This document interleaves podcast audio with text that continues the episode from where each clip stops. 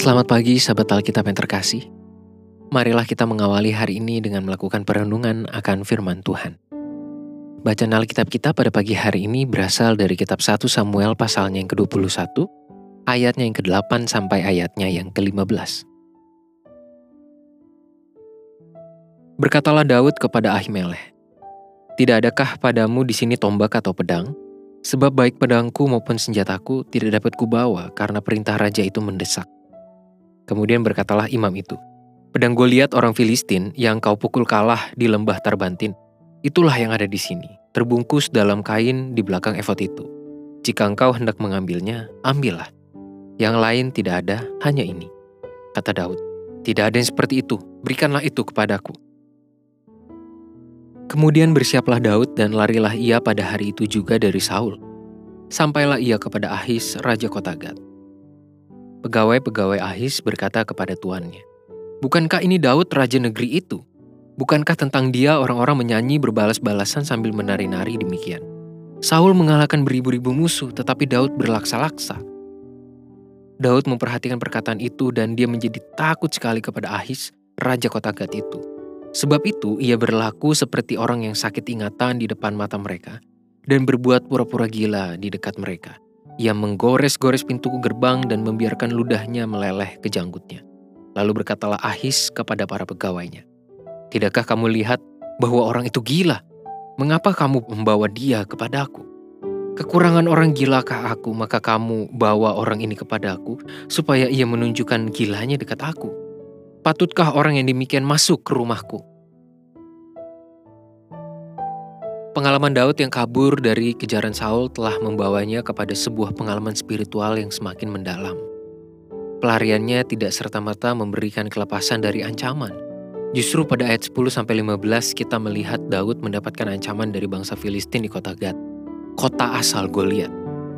Meski selain itu, kita juga mendapati sebuah penegasan yang unik dari orang-orang di kota Gad mengenai status Daud.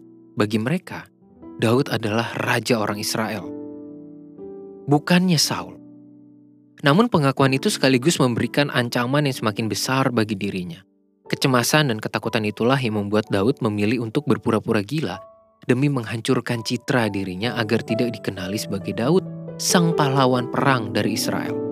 Pengalaman ini juga dapat kita temukan pada syair-syair Mazmur yang dibuat Daud, seperti Mazmur 34, dan Mazmur 56.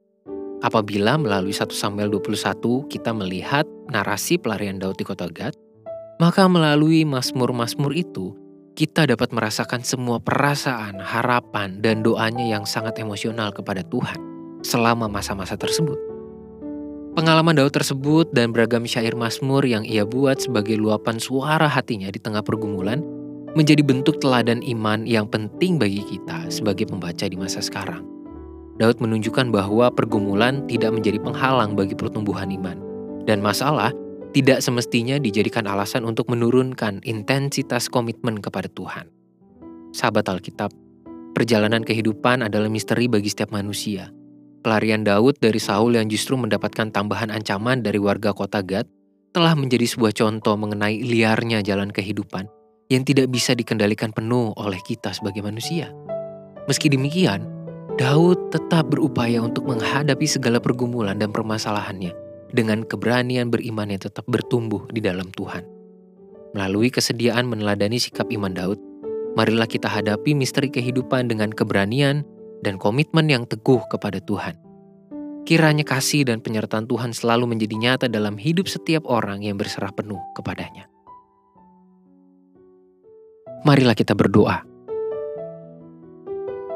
Ya Tuhan, di tengah keterbatasan kami dan kemampuan kami untuk memahami perjalanan kehidupan kami yang terkadang dan bahkan mungkin sering kali berjalan dengan begitu liar tanpa kami siap untuk menghadapinya bahkan.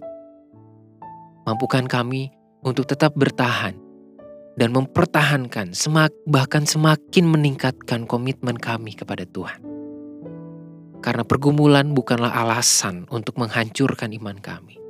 Dan masalah tidak semestinya kami jadikan pembenaran untuk bersikap menurunkan komitmen kami kepada Tuhan. Tapi itu semua sulit Tuhan untuk kami lakukan jika kami sendirian. Dan biarlah kami melakukan itu semua bersama dan di dalam penyertaan Tuhan.